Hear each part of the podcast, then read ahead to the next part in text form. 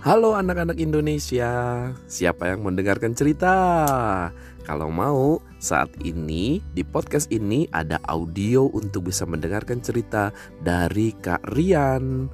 Yuk, sama-sama kita luangkan waktu untuk masuk dalam imajinasi cerita. Yeay, tepuk tangan. Kok tepuk tangan?